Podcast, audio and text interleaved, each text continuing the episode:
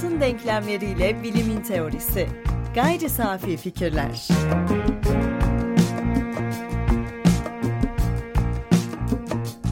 Gayri Safi Fikirlerin 70. bölümünden merhaba. Herkese merhaba. Ben Tansel Erdem Yılmaz. Ben Ömer Faikanlı. Bugün sizlere Radyo Hacettepe stüdyolarından sesleniyoruz ve geçtiğimiz birkaç bölümde temellerini attığımız e, bilmeye dair kavramları bu bölümde biraz daha sınırlarını belirginleştirerek detaylandırmak istiyoruz. Yani e, hem bilgi dendiğinde zihnimizde oluşanlar farklı hem de bizim bölümlerimizin isimleri konusunda bile biz insanlara paylaştığımızda onların zihinlerinde oluşanlar farklı Ha, evet çünkü bilmek işte daha önce üzerinde durmuştuk defalarca. Tabii şu soru hemen sorulabilir. 70 programda defalarca üzerinde durduğunuz bir konu niye bir türlü bitmiyor diye. Çünkü bilmek dediğimiz veya bilgi problemi oldukça derin bir mevzu.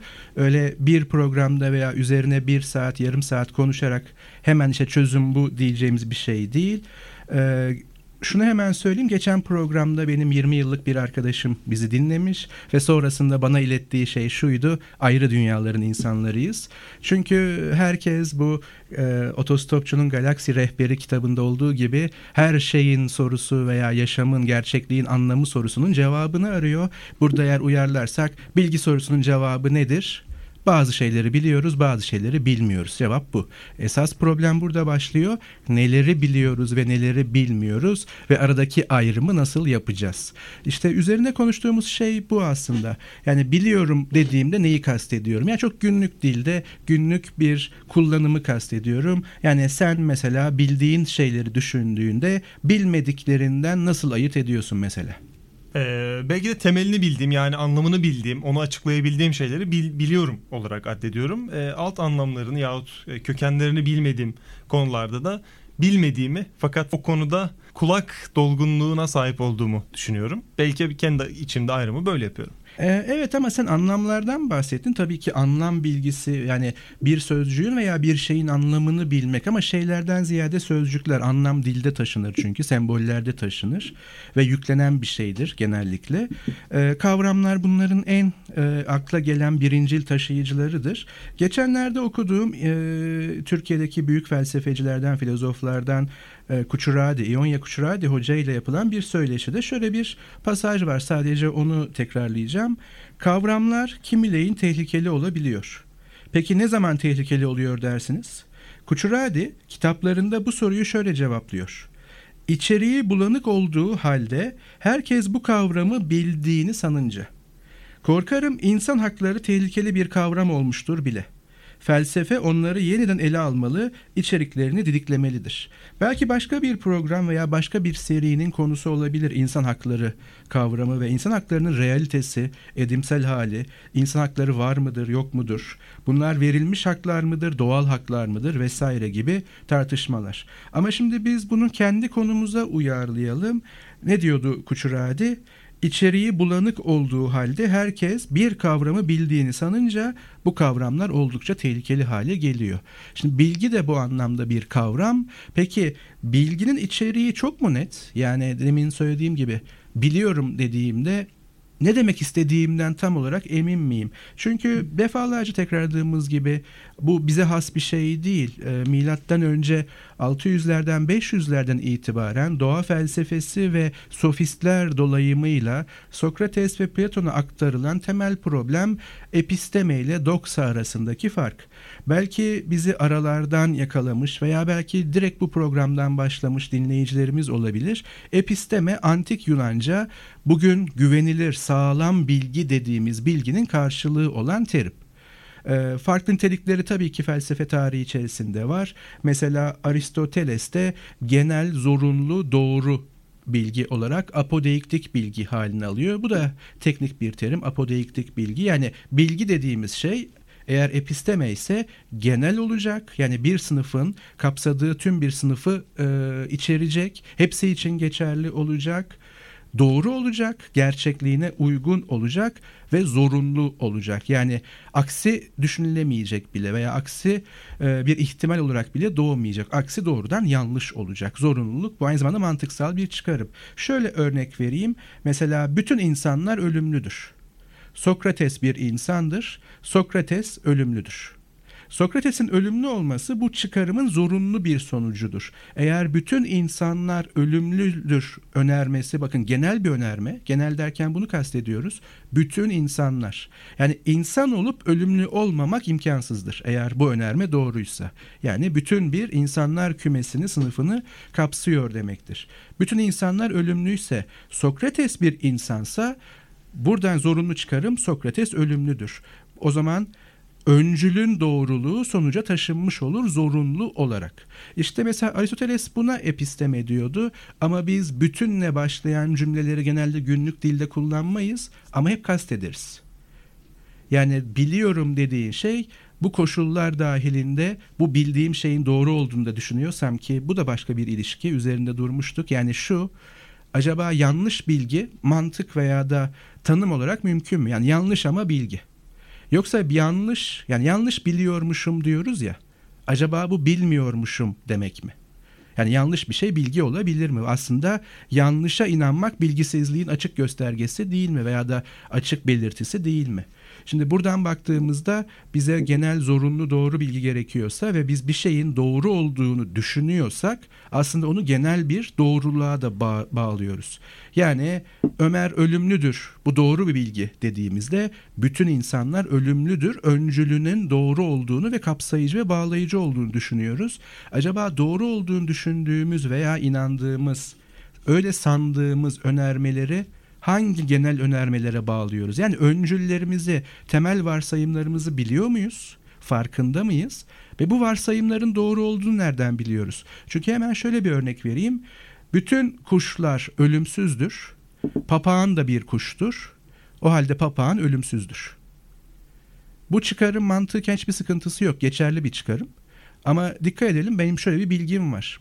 Aslında bir sanım var. Papağanlar ölümsüzdür. Niye? Çünkü bütün kuşlar ölümsüzdür. Peki bu varsayımın farkında mıyım? Bu varsayım doğru mu? Hiç bunu yani temel varsayımlarımızı bildiğimizi düşündüğümüz şeylerin altında yatan varsayımları bilgi terimleriyle hiç sınıyor muyuz acaba? Günlük yaşamda çok az. Hatta tüm bir yaşamında bunu hiç sınamayan ve verili varsayımları onun farkında bile olmadan kabul eden milyonlarca insan var. Belki de milyarlarca.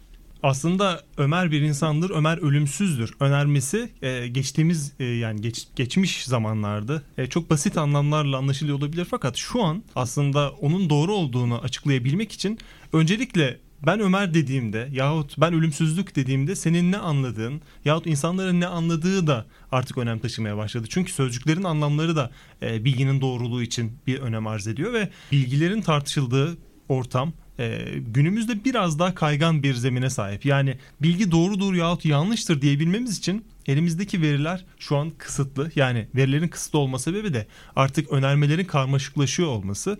Özellikle sağlık konularından bahsediyoruz. Biz X faydalıdır, X zararlıdır. Aslında yanıtı belli.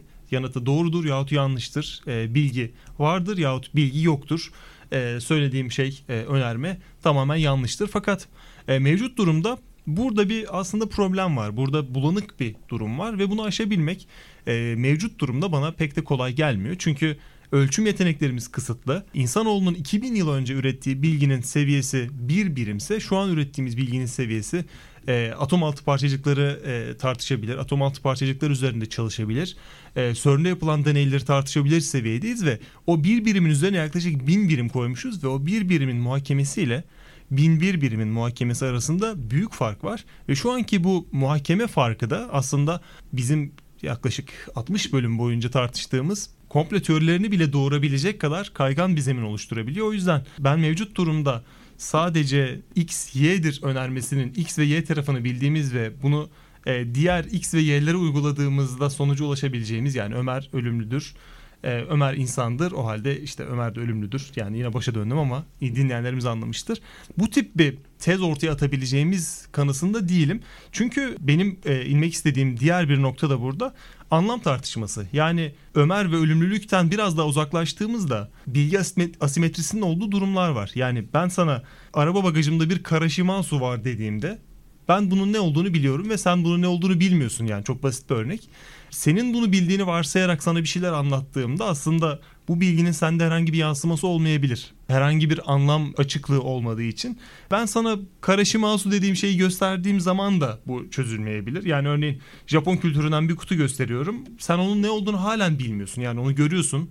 Ee, burada benim bahsettiğim şeyi daha soyut anlamda anlayacak olursak gördüğümüz, adını bildiğimiz, hissettiğimiz şey ne olduğunu bilmeyebiliyoruz. Yani aslında bilgiye ulaşmak 2019 Türkiye'sinde, 2019 dünyasında biraz daha zorlaşmış gibi geliyor.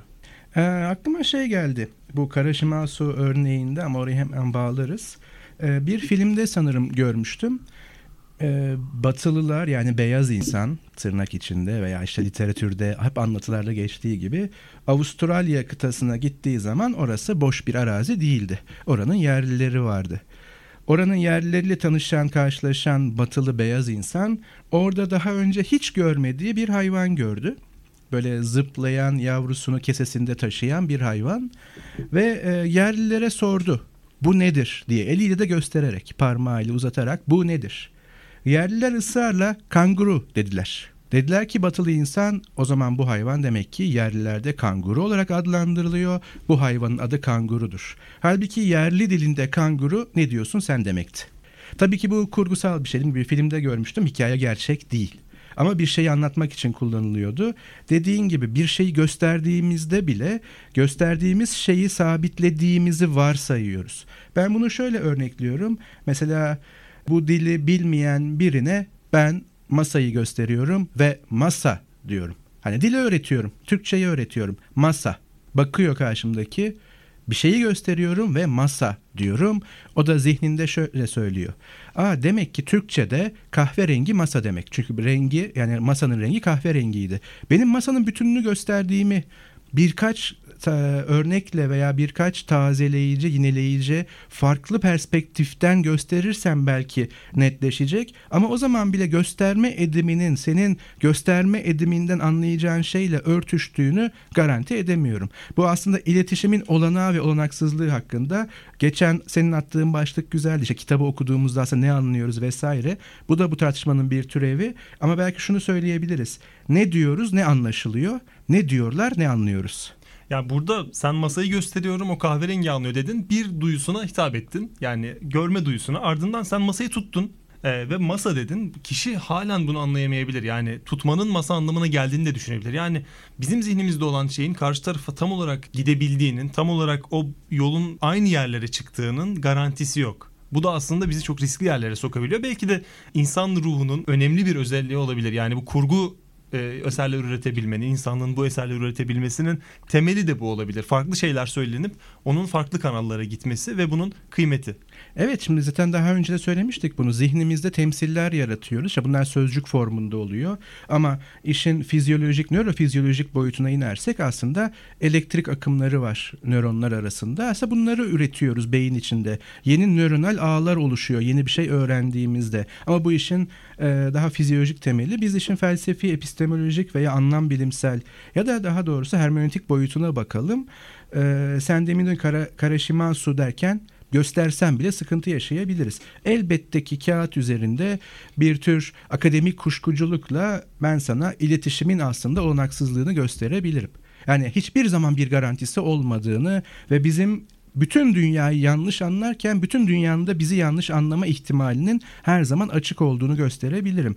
Ama Karl Popper Uzun zamandır aramızdaki üçüncüyü hiç kullanmadık, hiç gönderme yapmadık. Karl Popper burada şunu söylüyor. Epistemoloji söz konusu olduğunda, bilgi söz konusu olduğunda, bilgi problemi söz konusu olduğunda aslında sözcüklere ve anlamlara takılmaya gerek yok.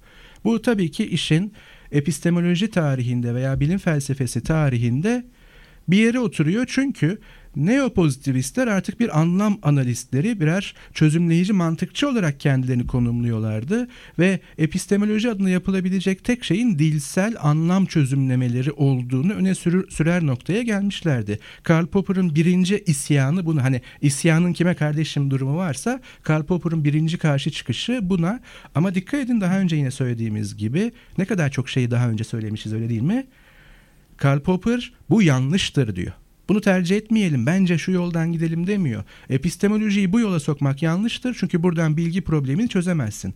Peki anlamla ilişkin nedir bilgi problemi içerisinde? Diyor ki sözcüklerin anlamına takılmayın. Yapacağınız şey şu. Zaten bir iletişimin olduğu edimsel olarak kanıtlanmış bir şey. Seninle bu saatte burada buluşup buraya kadar gelmemiz 70 programdır bir kayıt alabilmemiz en azından asgaride bir iletişimin gerçekleştirdiğinin başlı başına bir kanıtı. Aynı şekilde belirli bir yaşa kadar geldik. Elbette bazı konular özellikle duygusal hezeyanlarımızda dünya bizi anlamıyor isyanını dillendirsek bile en azından ortak dillerde yani iki tarafın da iki muhatabın da veya muhatapların bildiği dillerde asgarinin ötesinde bir anlaşma olanağı olduğu kesin. Yani bir yerden anlamları kurabiliyoruz ki zaten yeni temsilleri edinebiliyor ve öğrenebiliyoruz. Şimdi Popper'ın dediği şey şu. O bir örneği açık toplum ve düşmanları üzerinden yani bu onun bir kitabı, bir eseri. E, demokrasi üzerinden veriyor. Mesela ben şu tartışmaya girmem diyor ki bu günümüzde Türkiye'yi çok bağlayan bir tartışma. Demokrasi nedir? Şimdi açık oturumları görüyoruz çeşitli mecralarda. Saatlerce demokrasi odur. Hayır bu demokrasi değildir. Hayır demokrasi budur. Karl Popper diyor ki bana demokrasi deyince ne anladığını tanımla. Anlayabileceğim bir şekilde. Sorularla bunu açabilirim. Orada tek bir tanım değil. Diyelim ki ben şunu söylüyorum. Demokrasi bir ortamda çoğunluğun iradesinin hakim kılınmasıdır. Senin diyeceğin şey şu. Hayır demokrasi bu değil kardeşim demokrasi şudur diye ekstra bir tanım getirmek değil. Bu elbette ayrı bir tartışma olarak yapılabilir. Ama bilgi bazlı gideceksek yani mevcut bir problemi bilgi üzerinden çözeceksek Karl Popper şunu söylüyor. Tamam ben bu durumda antidemokratım. Demokrasi buysa ben antidemokratım. Ben çoğunluğun iradesinin hakim kılındığı bir sistemi istemiyorum. Sen o demokrasi ismini veriyorsun. Eğer bu demokrasi ise ben antidemokrat cephede yer alıyorum. Şu an senin karşında. Hadi tartışalım. Dikkat edersen anlam sorununu çözüyoruz. Yani şöyle çözüyoruz. Ne demek istediğini anladım. Bu durumda ben bir konum alıyorum. Epistemolojik bir konum veya aksiyolojik değerlere bağlı bir konum alıyorum ve hadi esas meseleyi konuşalım, problemi konuşalım. Senin tanımladığın demokrasiyle mi çözeriz yoksa benim antidemokrat olarak konumlandığım bölgeden mi çözeriz? Ama tekrar altını çiziyorum. Bu genel bir demokrasi tanımında buna karşı çıkmak anlamında değil. Senin bu tanımına uymadığım için bu tanımı tartışmaktansa problem odaklı olarak ben konumlanıp tartışmayı açıyorum. Yani felsefe problemlerden başlar diyordu ve biz de bunu diyorduk. E o zaman bırakın da problem üzerine konuşabileceğimiz zemini yaratalım. Tanımlar çok önemli ama tanımlara saplanıp kaldığımızda iş anlam boyutundan çıkamıyor. Yani edimsel dünyaya değemiyor. Biraz sonra bu konuya tekrar döneceğim. Karpapı'nın bahsettiği bu zeminde durmak çok zor değil. Yani biz X kişisi olarak bu zeminde durabiliriz. Sen ve ben bu zeminde durabiliriz ve sen bana demokrasi tanımını söylersin. Ben derim ki bu demokrasi değil. Sen de o zaman ben antidemokrasi, antidemokratım yahut demokrasi düşmanıyım gibi tanımlarla kendini açıklarsın. Burada tamam. Fakat Karl Popper'ın belki de burada dikkate almadığı şey herkesin bu zeminde buluşabilme ihtimalinin düşüklüğü. Yani e, senin bu tanımlar içerisinde kaldığın ve demokrasi benim tanımıma göre çoğunluğun iradesini temsil eden yönetim biçimidir. Aksi halde Karl Popper'ın külliyatını okumuş biri olarak onun mantıksal yollarından, o mantıksal kanallarından geçerek bunun rasyonalizasyonunu yapmış biri olarak e, ben antidemokratım diyebilirsin ve ben bu külliyat hakim biri olarak derim ki güzel felsefi açıdan müthiş bir noktaya geldin. O halde böyle devam edelim. Fakat bu gerçek ortamda yani gerçek dünyada demokrasi gibi politik bir konudan bahsetmeyelim. Kanser tartışmaları olsun. Sen X e, ürününün kansere faydalı olduğunu söyle. Örneğin domatesten bahsedelim. Domatesi tüketen insanlar kansere yakalanma olasılığı düşüktür. E, burada ben sana şunu sorarım. E, burada senin şeyin nedir? Tanımın nedir? Yani kansere yakalanmayı açıklayan baremin nedir? Sen de dersin ki 5 e, kişide denenmiş. E, bu benim için yeterli. 5 kişiye kıymet vermemiz lazım. Çünkü benim dedelerim de bunu yaşamıştı. O yüzden ben bunu kabul ediyorum dersin. Ben derim ki bu böyle olmaz. Deneysel yöntemlerle bunu yapmamız gerekir. Yüzlerce insana sormamız gerekir. Sen o zaman dersin ki sen o zaman sen çünkü bilimcisin. Senin bilim anlayışın buysa sen kendini bilim dışı mı addediyorsun dersin. Ben de tabii ki Karl Popper'ın zemininde durduğum için evet derim.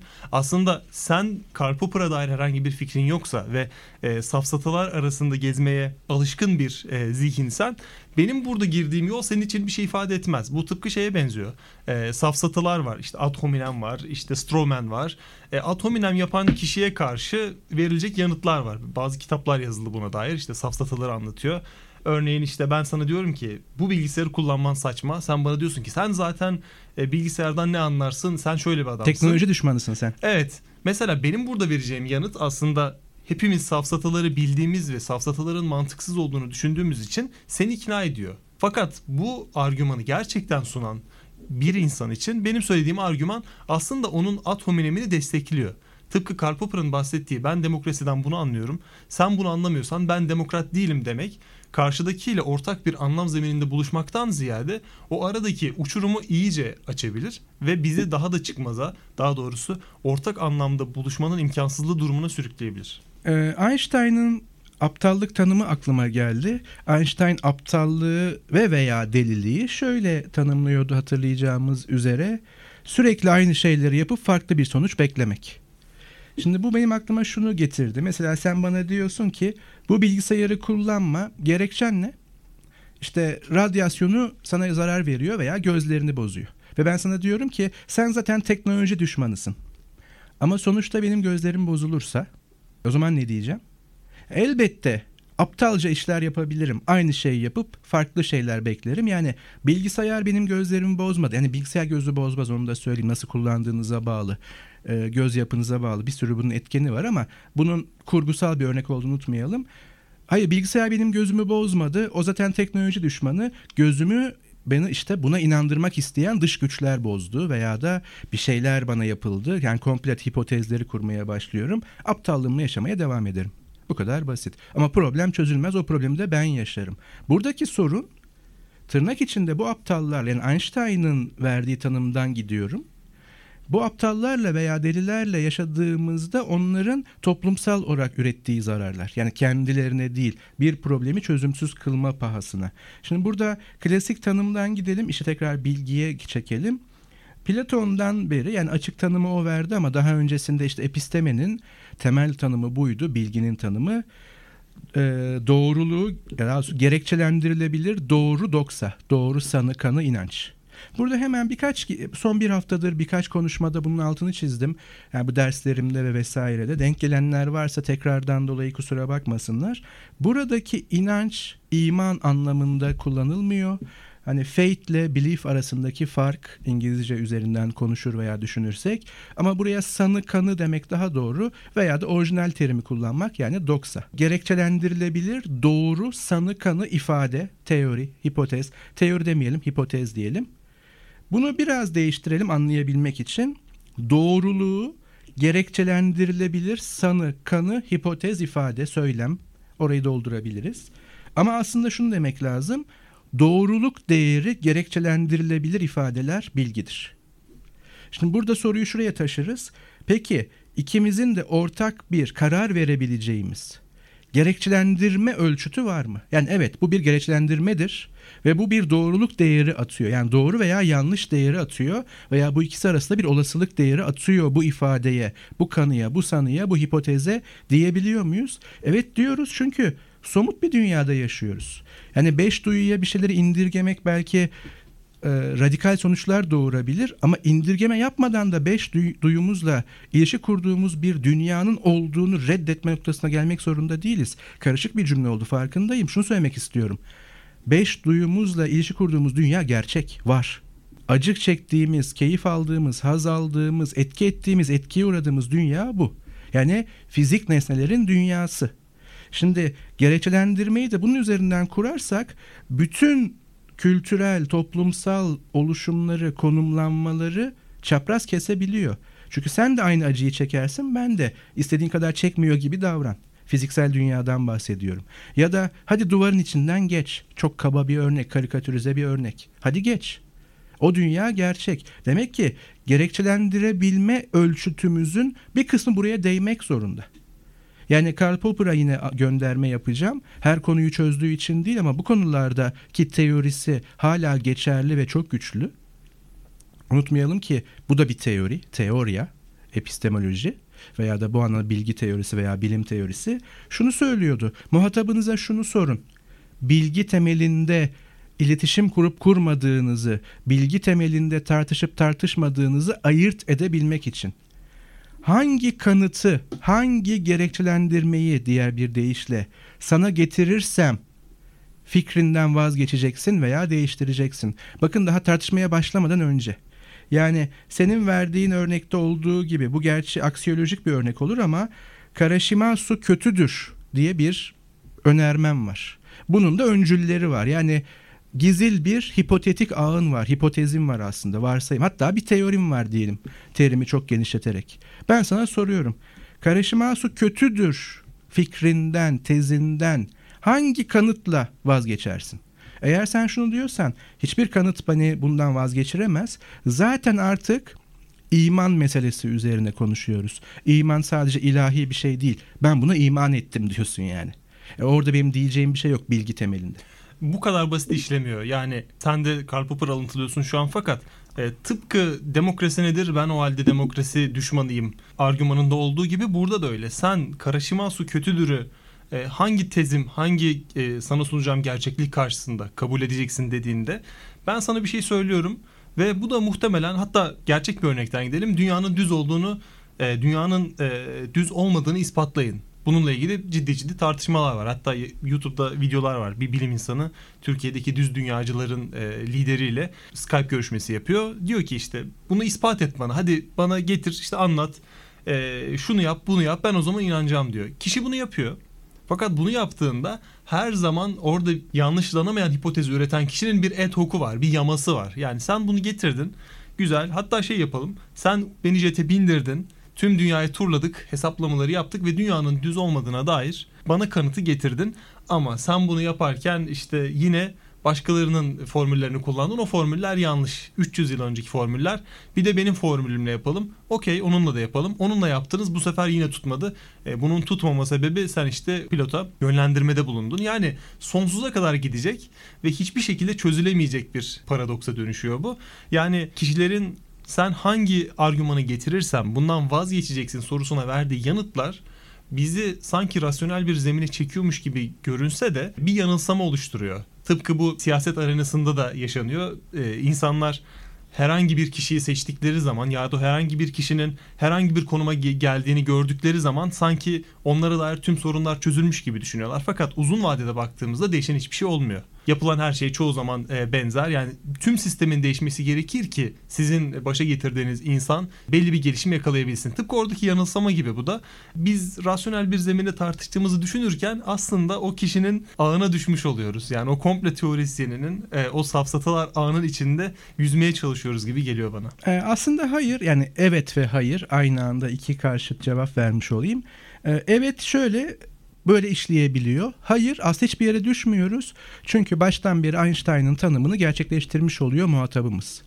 Ve Popper'ın sorusuna cevap vermiş olmuyor. Yani Popper'ın sorusu şu. Daha yola çıkmadan önce hangi kanıt ve gerekçelendirme sana getirilirse fikrinden vazgeçeceksin veya fikrinin yanlış olduğunu kabul edeceksin. Eğer bu koşulu söyleyip sonra gelen bu yani kendi kabul ettiği bana bu kanıtı getirirsen deyip kabul ettiği o kanıt geldiğinde ama bu kanıtta şöyleydi ben şu kanıtta istiyorum diyorsa zaten baştan samimi bir diyalog kurmamış ve derdi de bir bilgi edinmek veya da bilgi temelinde bir problemi çözmek değil, haklı çıkarmak kendini. Oysa Popper meseleyi tersine çeviriyordu. Felsefe de haklı çıkma uğraşı değildir. Felsefe yanlışı eleme uğraşıdır bu anlamda. Çünkü gerçekliğe en geniş anlamıyla gerçekliğe ilişkin sınırsız sayıda potansiyeli olan hipotez üretebiliriz veya fikir üretebiliriz. Ama bu fikirlerin sadece bir kısmı ona tekabül edecektir. Bizim insanlık olarak aradığımız hangileri tekabül ediyor ve bunu nasıl anlarız? Çünkü hemen şunu söyleyeyim. Doğruluğu veya doğruluk değeri gerekçelendirilebilir ifade, sanı, kanı, teori, hipotez demiştik. E burada şöyle bir şey ortaya çıkıyor. Gerekçelendirmenin de dereceleri ve ölçütleri olabilir. Yani bir tarihsel bilgi. İstanbul 1450 daha doğru ifadeleriyle Konstantinopolis 1453 yılında fethedilerek İstanbul oldu. Hani isim daha sonra geldi ama şimdi bu bilgiyi nereden öğrendin? Doğru olduğunu nereden biliyorsun?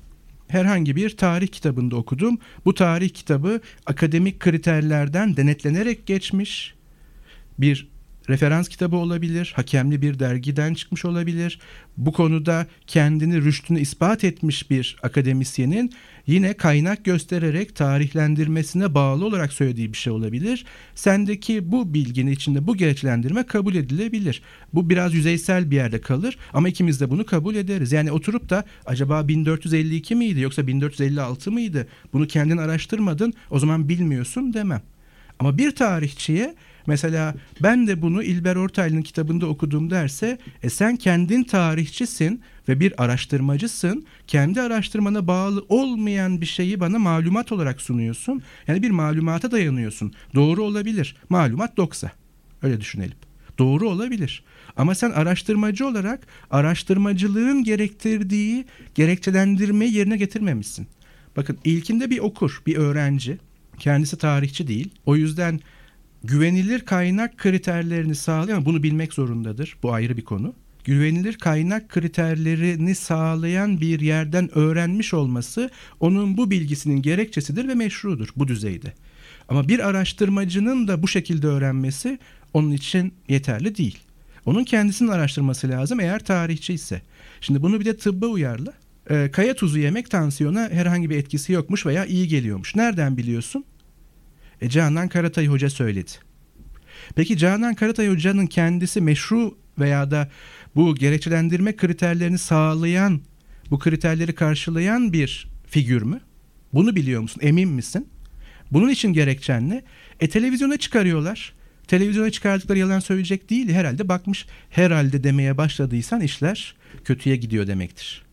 Ama şunu söylesen kaya tuzu tansiyona gayet kötü gelen tansiyon hastaları için oldukça tehlikeli aynı diğer tuz türlerinde olduğu gibi bir maddedir desen ve ben sana desem nereden biliyorsun bunu? Canan Karatay tersini söylüyor veya X hoca Doktor X karşısında söylüyor. E ben bunu güvenilir tıp hekimlerinin güvenilir akademik dergilerinden üretilmiş makalelerde, kitaplarda okudum. Ve bu defalarca denenmiş e, laboratuvar çalışmalarına, vaka çalışmalarına dayalı ve bu çalışmaların da sayısı oldukça fazla. Bundan ötesinden tıpçı olmana gerek yok. Bu daha iyi bir gerekçelendirmedir. Diğerinde inanmak istediğine inanıyorsun çünkü tuz tüketmek istiyorsun. Yani çıkarına uyduğu için doğru olması da işine geliyor. Doğru olmasına inanmak istiyorsun. İnanmak isteyince de insan inanır inanmak istediklerimizden ziyade burada ikinci bir aslında kanal daha var. Yani hem insanlar bir şeylere inanmak istiyor hem de tarih konusunda e, İstanbul'un Konstantinopolis'in 1453'te fethedildiğinden bahsediyor ve bunun nasıl gerçekleştiğinden nasıl emin olunacağından bahsediliyor.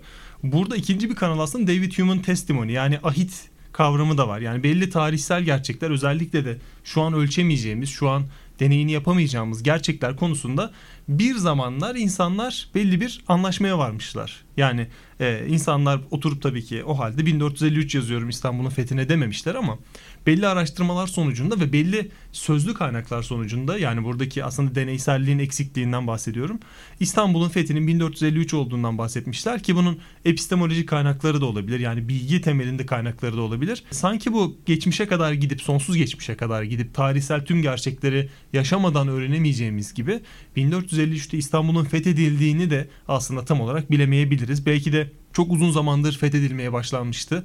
E, ya e, kaynaklara geçmemişti. 10 yıl öncesinden bu fikir ortaya çıkmıştı ve casuslar yer, yerleştirilmişti ve e, aslında 1453'ten çok daha önce bu fikir olgunlaşmış ve neredeyse gerçekleşmişti. Yahut 1453'ten 5 yıl sonrasına kadar da tam olarak fethedilmemişti. İnsanlar halen eski e, hükümdara, eski orduya biat ediyordu. Yani o aradaki süre tarihsel olaylardaki özellikle belli bir ana imleme zorunluluğu aslında o bilgiye ulaşmamızı zorlaştırıyor olabilir. Yahut ikinci bir kanal e, bu bilgiyi netleştirmeye hiç ihtiyacımız da olmayabilir. Sondan başlayayım ve Popper Üstad'ı takip edelim o anlamda. E, fetih derken kriterin veya göstergen nedir? E, bir yeri toprakları genişletmek için işgal etmek. E, işgal demeyelim ona çünkü tarihsel süreç içerisinde fetih farklı bir kavram. Kılıç hakkı diye bir şey var. Tarihsel bir şey olarak dönem itibariyle. E, ama tabii ki tartışılabilir. Ama şöyle söyleyeyim.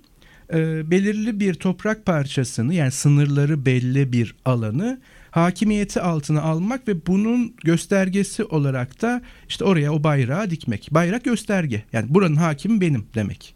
İşte işin hikayeleştirilmiş boyutunu da hatırlayalım. İşte Ulubatlı Hasan'ı İstanbul üzerinden konuşuyorum. İşte Burca bayrağı dikmek. Ama tarih boyunca bütün bu fetihlerde bu bir göstergedir. Hatta bu orduya ve oradaki herkese bu mesajı vermektir. O yüzden önemlidir. Yoksa Giderim oraya bir bayrağı koyarım ama içeride hala binlerce kişilik ordu vardır. Ona müsaade etmez çünkü o çok sembolik bir göstergedir her anlamda. Şimdi ben böyle anlıyorum diyelim.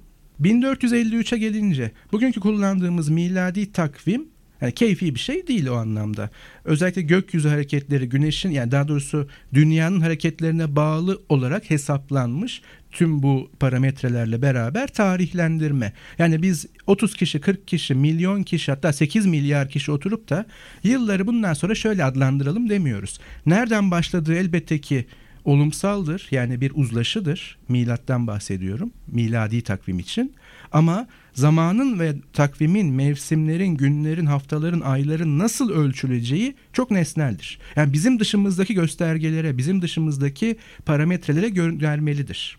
Hatta sırf bu yüzden tam takvim, mevsimler tam tutsun diye yani geçen seneki 21 e, Eylül ile bu seneki 21 Eylül aynı konuma denk gelsin diye gezegen olarak çok özel bir hesaplama yapılır ama bunu yüzyıllardır yapıyoruz.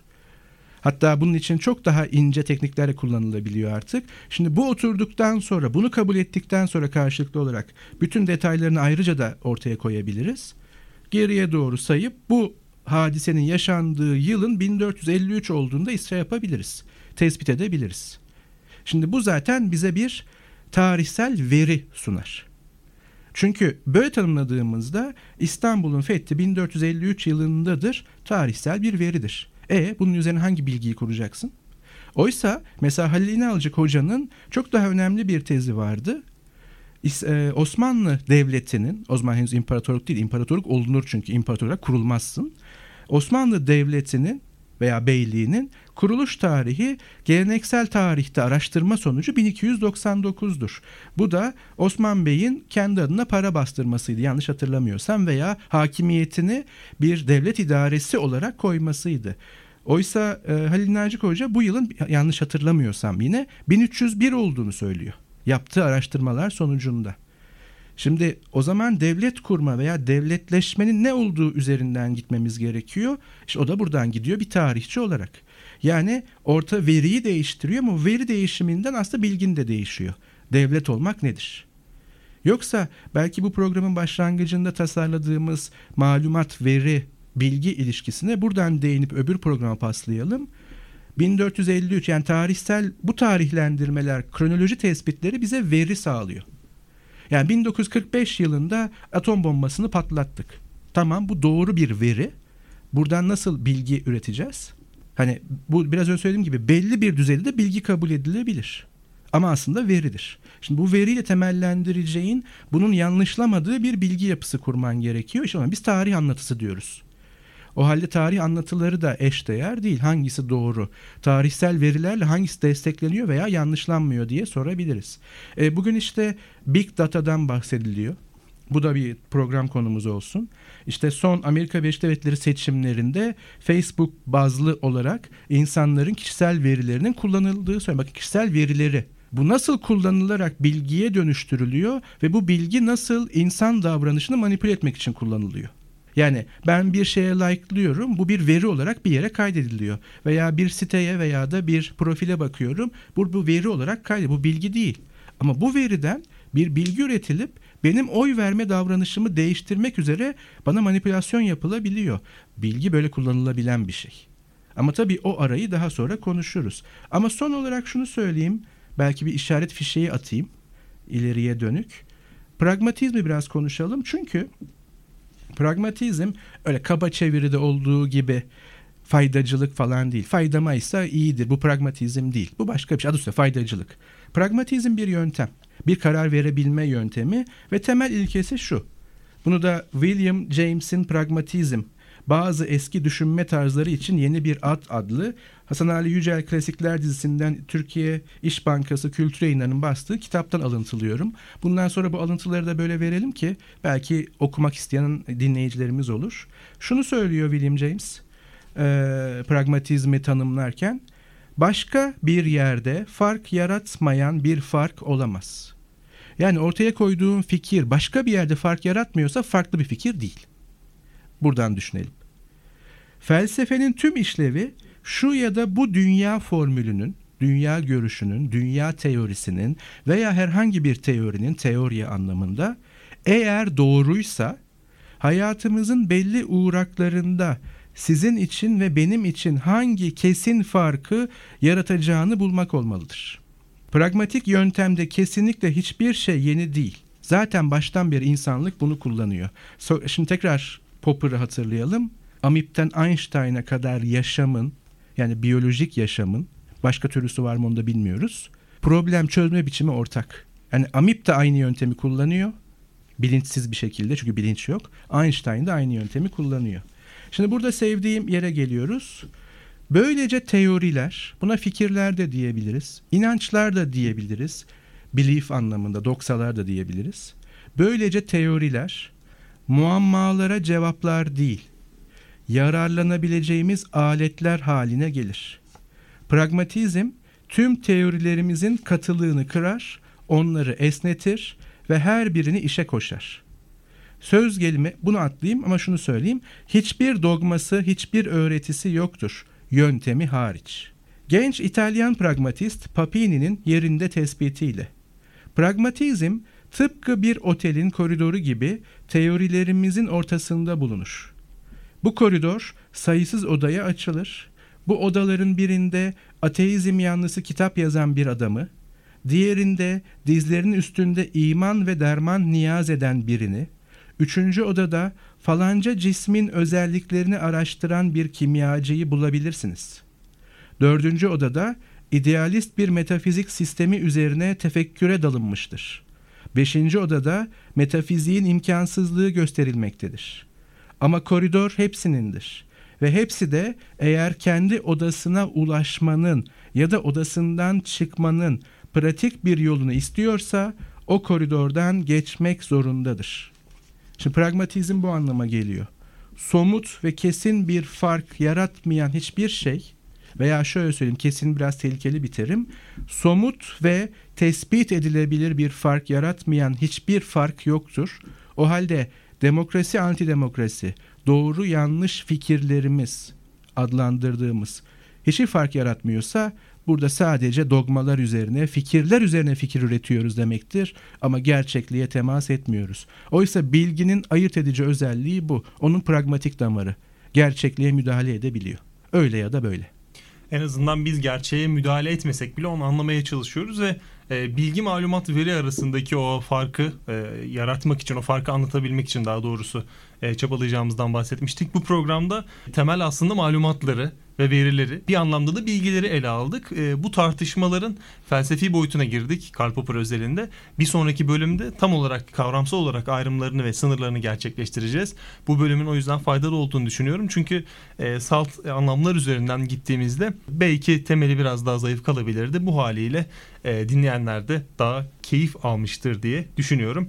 Bizleri Twitter'da Gayri Safi Fikirler adıyla takip edebilirsiniz. iTunes'dan, Ekşi Sözlük'ten eleştirebilirsiniz, yorumlayabilirsiniz, isterseniz övebilirsiniz ve daha da önemlisi merak ettiğiniz, kafanızı kurcalayan sorular için ki bu soruları takip ediyoruz. Gelen onlarca e, maili yanıtlıyoruz ve bu mailleri şimdiden tartışma listemize aldık.